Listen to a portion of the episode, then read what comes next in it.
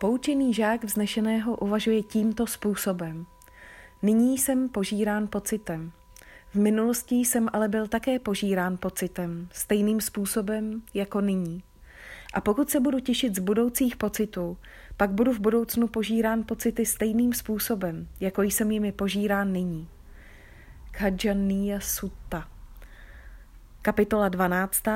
Správné myšlení Pemasirithera Druhou částí osmičlené stezky je správné myšlení. Sankapa je často překládáno jako záměr. Jsou tři druhy správného myšlení. Za prvé, myšlenky odříkání a štědrosti. Za druhé, myšlenky dobré vůle a přátelství. A za třetí, myšlenky neškození a soucitu. Myšlenky odříkání jsou prosté chamtivosti a touhy po smyslových potěšeních.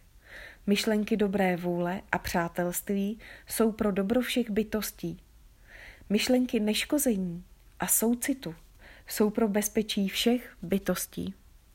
Laskavost, soucit, štědrost, moudrost, tyto faktory jsou základem pro správné odříkání. Někdy se jich zříkáme, když jsme rozlobení.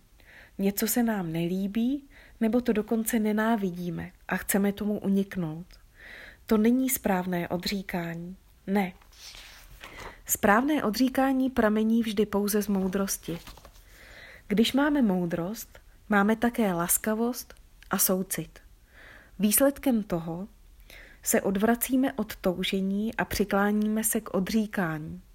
Mnozí si myslí, že bylo nepřiměřené, aby princ Siddhata opustil ženu a novorozeného syna a kritizují Siddhatovo zřeknutí se světa u Kapila Vattu. Ale jeho zřeknutí se světského života bylo založeno na moudrosti. Byl to čin laskavosti a soucitu.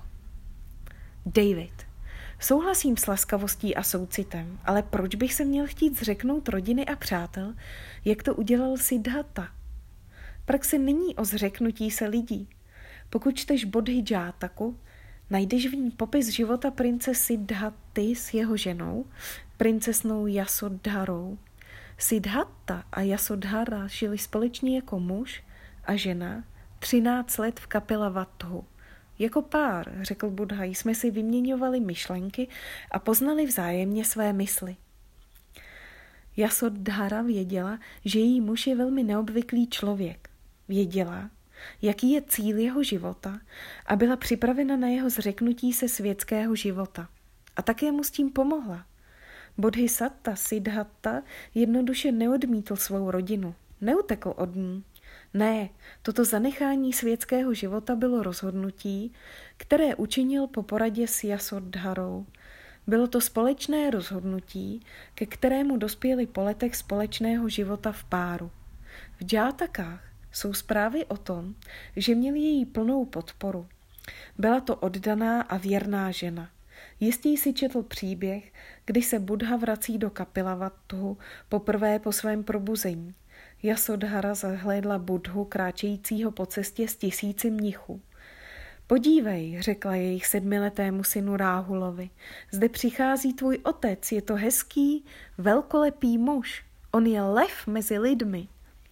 Ve své řeči odhaluje svou náklonost ke svému bývalému muži. Není zde stopa nějaké zloby vůči Budhovi.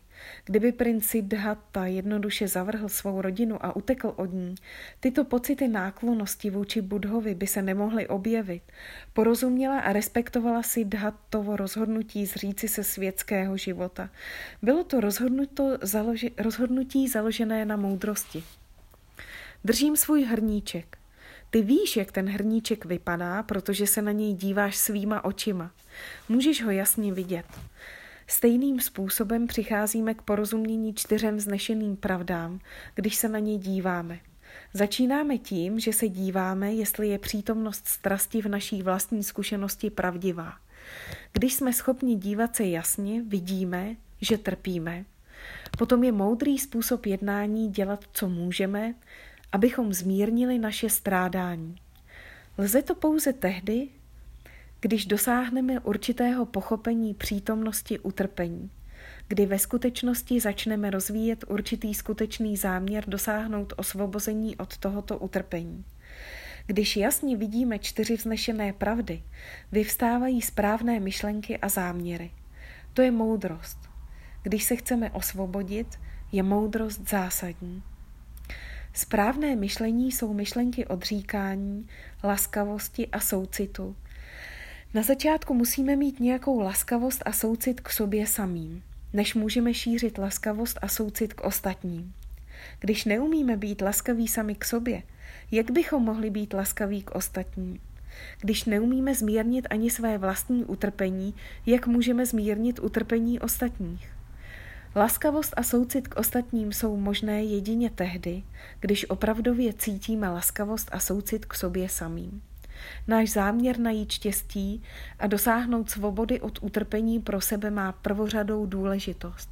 Nejdřív musíme přejít přes řeku my, pak můžeme pomáhat přecházet přes řeku ostatním. Mahouti drží své slony v zajetí pomocí železných řetězů.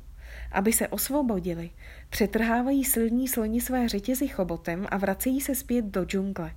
My jsme drženi v zajetí utrpení svými špatnými myšlenkami, které vyvstávají z chamtivosti, odporu a zaslepenosti. Abychom se osvobodili od naší strasti, používáme správné myšlenky k nahrazení těch špatných. Správné jsou ty, které vyrůstají z laskavosti, soucitu a odříkání.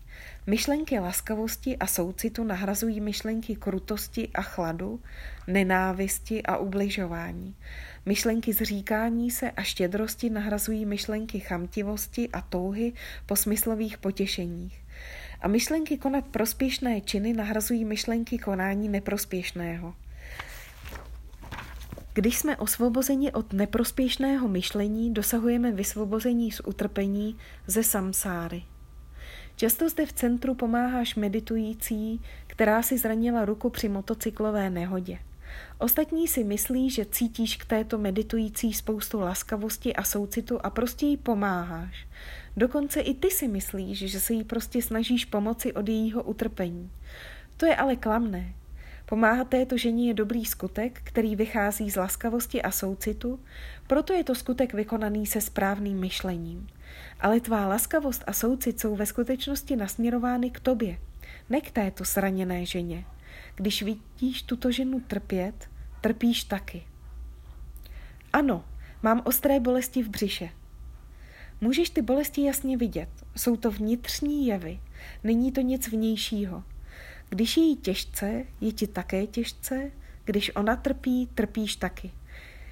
Tím, že se snažíš zmírnit její bolest, snažíš se zmírnit svoji bolest.